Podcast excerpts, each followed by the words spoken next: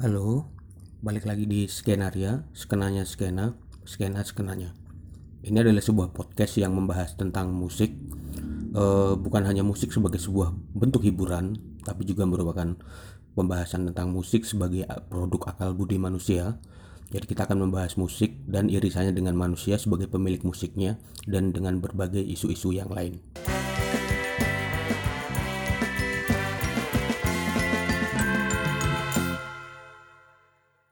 Ya halo, balik lagi di podcast Skenaria.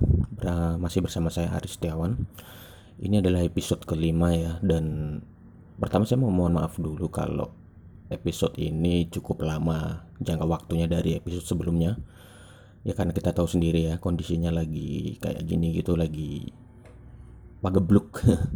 Uh, Kita sedang menghadapi masa yang sulit nggak bisa dimungkiri. Ini dari awal tahun oh dari akhir tahun ya malah ya. Dari akhir tahun 2019 sampai sekarang ini bulan Mei kita sedang di kondisi yang sulit banget karena adanya pandemi eh, pandemi coronavirus dan COVID-19 yang ini cukup berat memang mempengaruhi semua aspek kehidupan kita dan ini juga mempengaruhi skenario tentunya. Makanya eh, saya baru bisa nekat ngerekam lagi sekarang gitu ya tadinya pengen juga ya uh, kayak biasanya gitu uh, pengen ada temen yang nemenin ngobrol gitu uh, kayak di episode sebelumnya kan uh, ada beberapa temen yang nemenin gitu.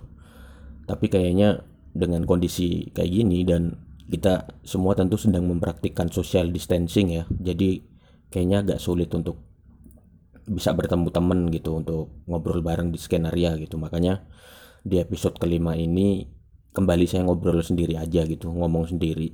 Dan ya semoga teman-teman masih berkenan untuk menyimak gitu ya. Oke uh, untuk episode kelima podcast skenario ini kayaknya menarik kalau memang kita harusnya bicara tentang pandemi COVID-19 ya. Uh, dan kaitannya dengan musik tentunya karena ya seperti kita tahu skenario adalah podcast musik gitu. Jadi tema kali ini adalah tentang musik dan uh, pagebluk podcast. Sebenarnya pagebluk ya. Sebenarnya kata pagebluk tuh ya apa ya enak aja gitu buat menggantikan kata pandemi. Walau sebenarnya kurang cocok kalau kita berkaca dari KBBI gitu. Kalau pagebluk itu kepadanannya lebih ke endemi ya kan? Endemi itu kan uh, suatu penyakit yang dia sebaran wilayahnya tuh hanya di satu wilayah begitu. Sementara kalau pandemi itu sudah global gitu dan sekarang ini kondisinya udah pandemi gitu. COVID-19 udah ada di seluruh negara mungkin kayaknya ya di di seluruh dunia gitu. Makanya sebenarnya kalau kata pagebluk kurang tepat sih tapi kayaknya ya asik eh, asik sih eh, apa ya pas gitu eh, eksotis kali ya untuk menggantikan kata pandemi gitu. Oke okay, by the way langsung aja kita coba bahas ya. Ya emang nggak bisa dimungkiri memang uh, pandemi COVID-19 ini sudah sangat sangat berpengaruh di seluruh aspek kehidupan kita, uh, politik, sosial, uh, budaya dan lain sebagainya gitu. Uh, sebarannya udah sangat luar biasa gitu. Uh, kalau kita berkaca dengan data-data yang ada gitu, kurvanya terus naik di di banyak negara gitu. Ya ada sih beberapa negara yang kurva penyebarannya udah turun gitu. Uh, China misalnya yang awal ya asal dari pandemi ini muncul gitu. Kalau baca berita kan kurvanya udah menurun bahkan uh, di Wuhan sendiri aktivitas warga sudah kayak mulai menjurus normal gitu. Uh, ada juga di Hong Kong ya. Kalau Hong Kong memang karena memang udah siap ya dulu mereka sempat menghadapi uh, pandemi eh en, uh, apa? Bukan pandemi sih endemi ya. Pernah menghadapi endemi SARS kan. Jadi mereka kayak lebih siap gitu untuk menghadapi datangnya pandemi COVID-19 ini gitu. Jadi kurvanya sekarang juga udah menurun.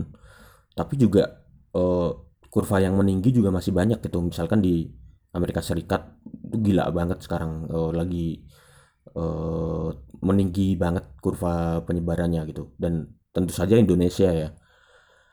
Uh, sekarang kalau di Indonesia kalau yang terakhir ini saya baca itu itu yang positif udah sekitar 11 ribuan kasus gitu.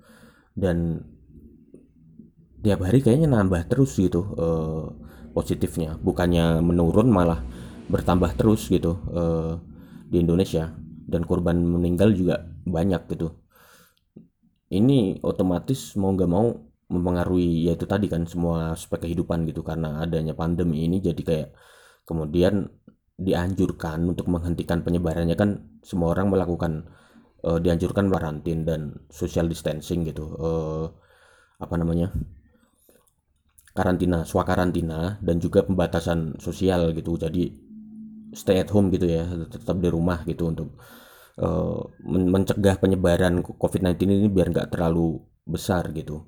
Nah, karena banyak orang menerapkan itu uh, swakarantina dan pembatasan sosial, kemudian uh, beberapa perusahaan juga menerapkan work from home alias orang-orang atau karyawan bisa bekerja dari rumah gitu.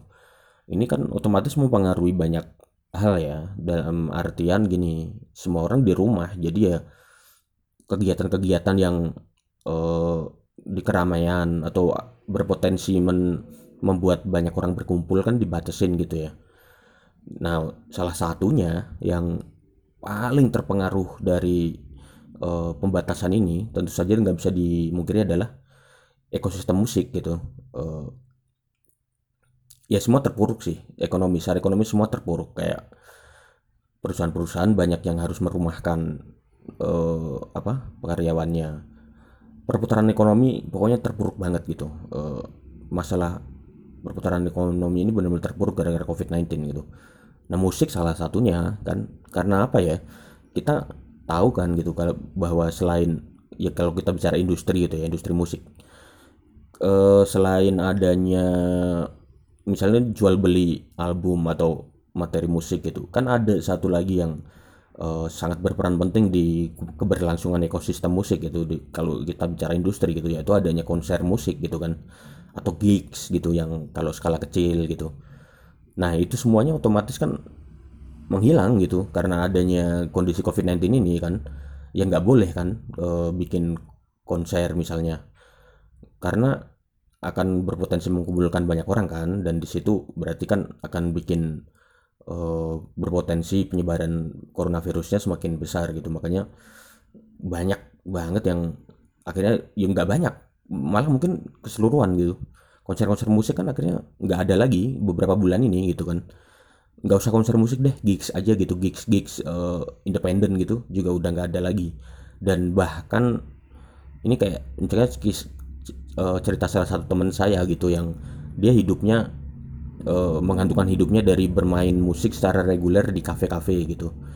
Itu juga udah nggak ada lagi kan gitu karena kafenya tutup kafenya nggak bisa ngelayanin customer lagi kan uh, kalaupun buka mungkin akan melayaninya uh, delivery gitu atau take take home gitu yang yang pesanan makanannya dibawa pulang gitu yang nggak bisa lagi orang-orang nongkrong di kafe nah itu otomatis kan jadi nggak ada live music lagi dan ya itu salah satu teman saya juga kepengaruh gitu yang uh, dia nggak bisa bermain reguler lagi.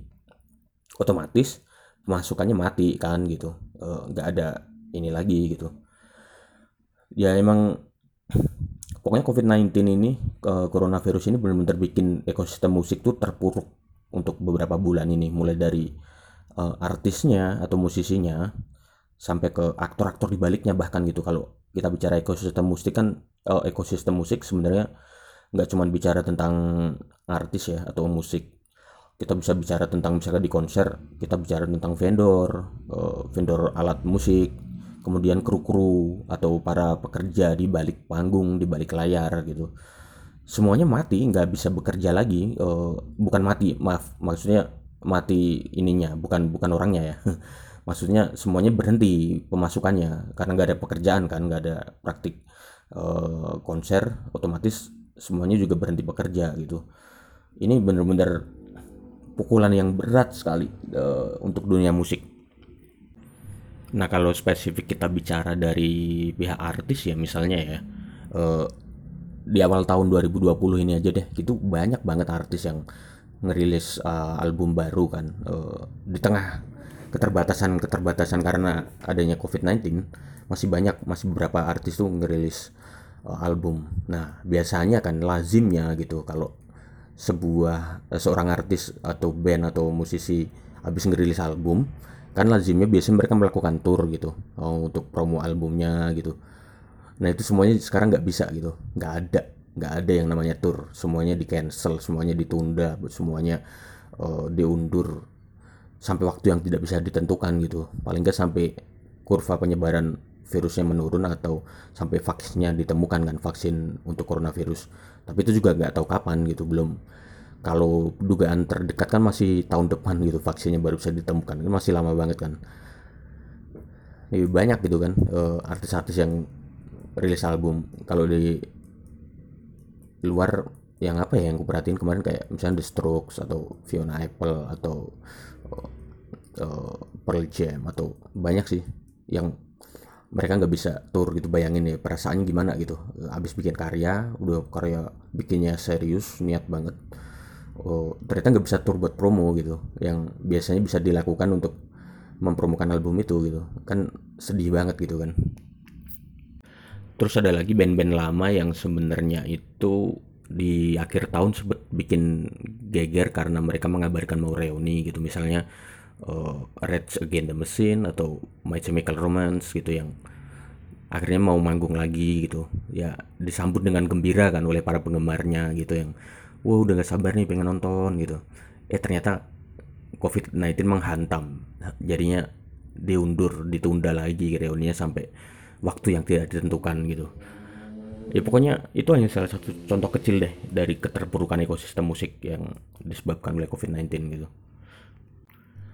Nah, tapi kemudian menarik kalau kita bicara tentang bagaimana dunia musik merespon coronavirus atau COVID-19.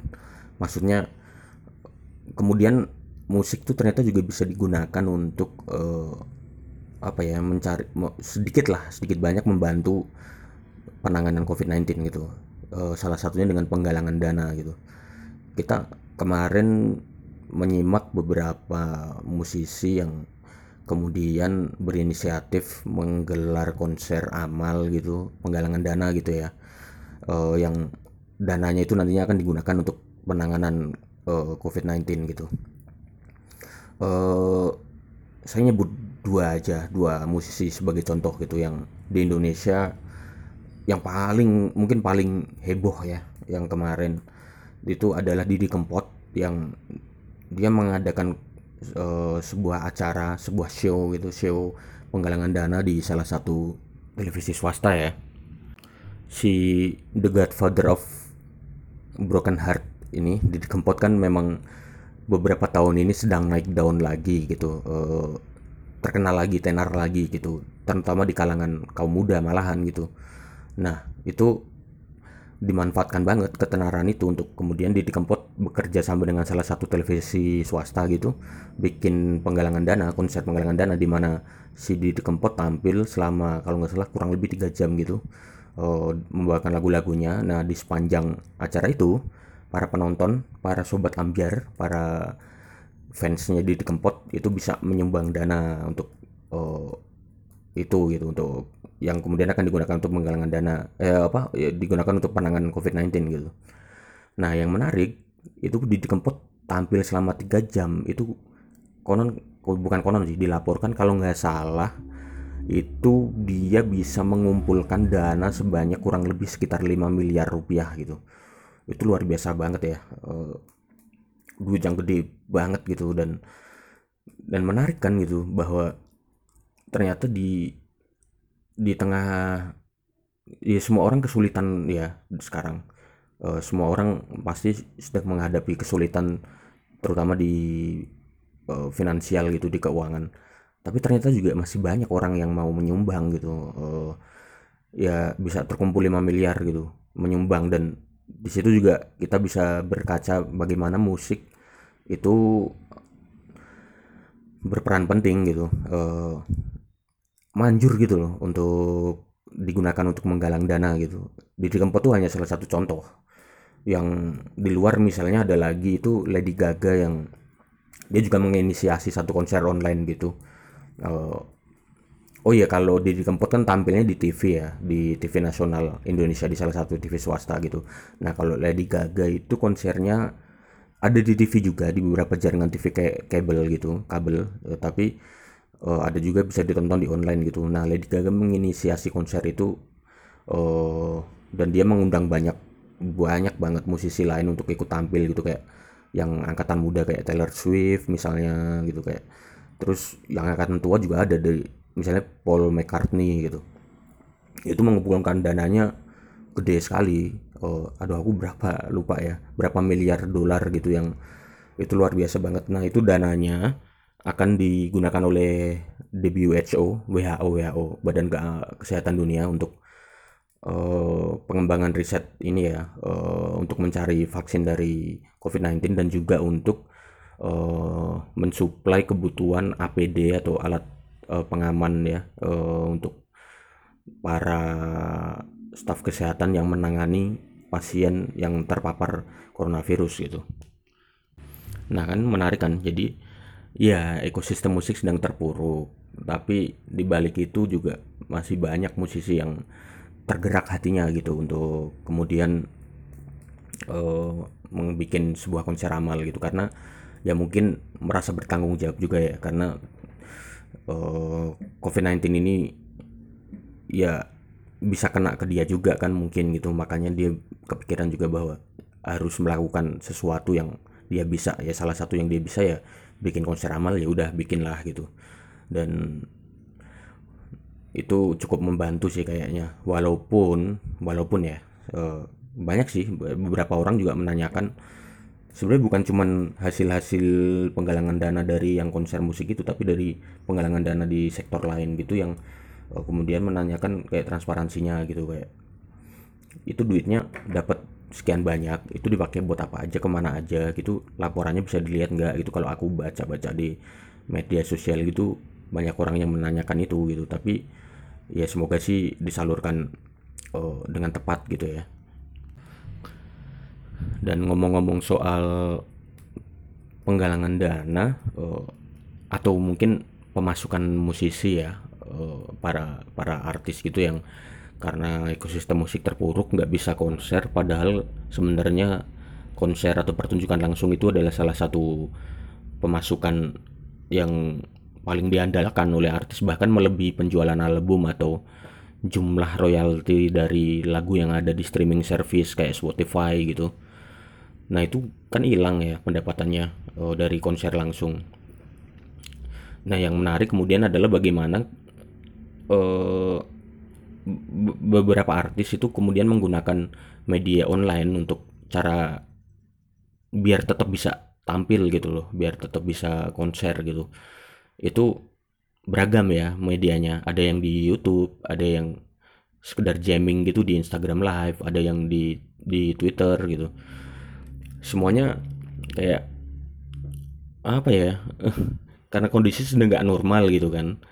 Jadi semuanya bikin normal yang baru gitu dan new normal gitu. Semuanya bikin bikin konser online tuh hal yang normal di tengah uh, social distancing ini gitu. Semuanya tampil di media online di secara streaming gitu.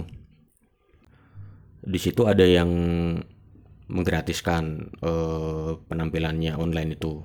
Tapi ada juga yang kemudian tetap uh, menetapkan tarif ya untuk para penonton yang pengen uh, nonton uh, harus membayar sekian uh, nominal gitu biar bisa nonton. Satu yang contoh menarik itu uh, musisi uh, band ya, band di Jakarta itu kemarin sebenarnya ada uh, Zik and the Popo kalau teman-teman tahu. Itu sebenarnya sudah merencanakannya dari jauh hari. Mereka pengen bikin konser ketika semua para personelnya sedang ada di Jakarta gitu. Karena sebenarnya semua konser uh, semua personelnya kan sedang berpencar ke mana-mana gitu. Nah mereka sudah merencanakan untuk berkumpul bersama di Jakarta kemudian menggelar sebuah konser gitu. Dan mereka sudah latihan sudah mempersiapkannya jauh-jauh hari gitu. Dan dan celakanya sayangnya gitu kemudian COVID-19 menghantam gitu. Jadi Zikenda Popo mengurungkan konser tersebut. Namun kemudian konser itu ditayangkan di uh, di YouTube. Tapi secara terbatas gitu. Karena kalau sebenarnya itu semua tiket pertunjukan itu sudah sold out ya kalau nggak salah ya. Uh, para penonton udah beli tiketnya udah siap nonton gitu. Tapi ternyata covid-19 menghantam kan uh, jadi terpaksa itu konser uh, Zik and Popo itu dialihkan dari konser live gitu.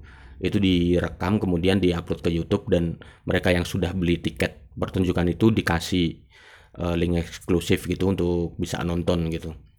Dan ya sebenarnya sangat disayangkan ya kalau dipikir-pikir ya. Maksudnya ini band yang udah lama juga sih Kenda Popo dan udah lama nggak manggung gitu dan ada kesempatan manggung ketika semua personel bisa berkumpul tapi ya kondisi COVID-19 menghantam mau nggak mau ya aku sempat ngobrol sih sama salah satu personelnya gitu Mas Iman Fatah gitu dan uh, katanya sih ya nggak apa-apa lah gitu tetap asik katanya yang penting uh, tetap bisa main bareng sama teman-teman di Sikanda Popo gitu uh, gitulah. Perubahan cara menikmati musik ini juga jadi apa ya jadi salah satu bentuk hiburan yang cukup penting juga gitu untuk mereka-mereka yang sedang menjalani swakarantina atau tetap tinggal di rumah gitu. Karena ya sekarang kita di rumah mau ngapain gitu. Um, maksudnya ya ada yang beberapa bekerja di rumah gitu. Uh, tapi setelah bekerja mau ngapain gitu? Kan di rumah terus gitu kan. Jadi kayak butuh hiburan. Nah ketika ada konser-konser yang online ini kan ini jadi salah satu bentuk hiburan yang sangat penting gitu untuk orang-orang yang sedang stay di rumah. Nah ngomong-ngomong soal pemasukan untuk uh, artis lagi gitu, kan nggak dapat dari konser ya, otomatis barangkali kebanyakan artis sekarang menggantungkan pemasukan uh, nominal gitu itu dari rilisan-rilisan mereka yang ada di streaming service gitu semacam Spotify atau Apple Music atau Deezer atau YouTube Music gitu. Nah, tapi yang uh, sampai mana tadi? Oh ya uh, yang cukup disayangkan sebenarnya adalah bagaimana kecil sekali uh, ini royalti royalti dari uh, media apa streaming service gitu. Kayak ya ini udah kayak rahasia umum di kalangan musisi gitu ya bahwa royalti dari Spotify misalnya itu sangat kecil gitu angkanya gitu per stream itu tergantung negaranya dan lain sebagainya. Tapi kalau di Indonesia itu kayaknya per stream itu hanya dihargai 0,00 sekian dolar gitu ya itu kecil sekali gitu. Tapi yang menarik kemudian adalah ada alternatif lain sebenarnya ada platform lain yang dia katanya sih itu lebih adil dalam hal royalti untuk artis gitu. Ada Bandcamp namanya. Uh, jadi Bandcamp ini menerapkan uh, royaltinya tuh straight gitu. Maksudnya ketika kamu suka sama satu band atau musisi atau artis dan kamu memutar banyak lagu dari artis itu nah royaltinya langsung masuk ke artisnya gitu. Dipotong sekian persen kalau hari biasa oleh Bandcamp beda misalnya dengan Spotify yang menerapkan di royaltinya itu dengan konsep yang namanya big pool. Uh, big pool tuh gimana ya? Jadi kayak misalkan kamu suka sama satu artis independen gitu kamu banyak memutar artis uh, lagu artis itu itu sebenarnya belum tentu uangmu masuk ke artis yang kamu suka itu karena uh, itu uang-uang royalti itu semuanya masuk dulu dalam satu kolam besar itu big pool dan kemudian baru dibagikan ke artis sesuai dengan persentase uh, kayak rating gitu ya kayak rankingnya uh, persenan playnya gitu. Maksudnya jadi biarpun kamu suka banget dengan satu artis independen kamu muter banyak lagunya tapi sebenarnya royaltinya bisa jadi banyak masuk ke Taylor Swift misalnya gitu yang karena dia lebih lebih besar kan gitu uh, lebih terkenal gitu. Jadi uangmu nggak langsung masuk artis yang kamu suka. Beda dengan Bandcamp yang di mana kalau kamu suka dengan satu artis dan kamu banyak muter lagu artis itu ya uangmu masuk langsung ke artis itu gitu. Kalau di hari biasa itu di Bandcamp dipotong royaltinya sekian persen gitu oleh Bandcamp. Nah yang menarik sepanjang adanya pandemi COVID-19 ini Bandcamp kalau nggak salah dua kali. Dia dua kali membuat kebijakan selama 24 jam uh, royalti artis yang diputar itu 100% duitnya masuk ke artis. Jadi Bandcamp nggak ngambil sama sekali uh, sekian dari royalti itu. Kalau Bandcamp bilang sini salah satu cara untuk insentif ya untuk menambah pundi-pundi uh, finansial dari artis yang tentunya banyak terpengaruh uh, pemasukannya karena adanya pandemi gitu. Ya walaupun kita tahu Bandcamp mungkin kalah populer dengan Spotify gitu tapi kalau saya lihat juga lagi di medsos beberapa teman musisi gitu ngaku bahwa pendapatan satu hari dari Bandcamp itu sama dengan pendapatan dari Spotify selama beberapa bulan gitu. Kan bedanya jauh banget kan berarti pemasukannya gitu. Nah Bandcamp cukup bagus lah punya inisiatif kemarin untuk dua kali bikin uh, apa uh, program itu di mana artis dapat 100% royalti gitu. Jadi kan cukup bisa menghidupi gitu untuk artis-artis terutama artis independen yang memang menggantungkan dirinya dari uh, bandcamp gitu yang beda dengan artis uh, mainstream atau arus utama yang bermodal besar gitu Nah, uh, tentunya sebenarnya kita semua kangen ya nonton konser. Kita semuanya rindu dengan gigs-gigs kecil di di kota-kota kita masing-masing. Kita semuanya bosan dengan karantina ini gitu. Dengan pandemi ini yang nggak tahu kapan berakhir gitu. Tapi kupikir uh, ya semoga aja sih semuanya segera balik normal atau nggak bisa balik ya. Kalau aku ngobrol sama temanku ini tuh nggak akan bisa balik normal. Yang ada itu akan adanya itu normal yang baru gitu. Perubahan akan tetap terjadi setelah setelah pandemi hilang sekalipun cara hidup kita akan berubah gitu. Nah buat kita kita yang masih sampai sekarang bertahan di rumah gitu uh, aku kemarin sempat baca ya uh, bahwa musik itu jadi penulisnya itu ngomong bahwa justru sebenarnya di masa pandemi ini ketika kita dipaksa untuk uh, berada di rumah kita punya banyak waktu luang gitu terkait dengan mendengarkan musik sebenarnya uh, kita jadi ba punya banyak waktu luang gitu untuk kemudian mendengarkan musik secara lebih intens gitu. Maksudnya kalau di hari-hari biasa mungkin kita suka mendengarkan musik di Spotify dan itu di playlist gitu kan disenarai putar gitu yang isinya banyak artis banyak lagu macam-macam gitu. Nah di tulisan yang aku baca itu dia bilang penulisnya bilang nah justru sekarang kan kita punya banyak waktu nih. Jadi mulailah kita belajar untuk mendengarkan musik uh, full misalkan satu album gitu. Karena dengan begitu kita akan jadi lebih uh, aware bahwa si artis itu menyusun satu uh, album tertentu itu sudah dengan perhitungan-perhitungan gitu maksudnya di konsep gitu loh satu album tuh. Nah kalau dipotong-potong lagu itu dicampur-campur jadi satu playlist gitu kan oh, beda ya mungkin rasanya ya. Nah mungkin sekarang saat yang tepat untuk kita untuk mulai belajar mendengarkan satu album full dari satu artis atau satu diskografi bahkan beberapa album sekaligus gitu biar kita bisa lebih menghargai gimana musisi bikin album dengan konsep yang udah disusun gitu Nah, di tulisan itu juga penulisnya bilang musik ini di tengah pandemi ini salah satu uh, bentuk seni yang cukup membantu untuk kita menjaga kewarasan gitu ya.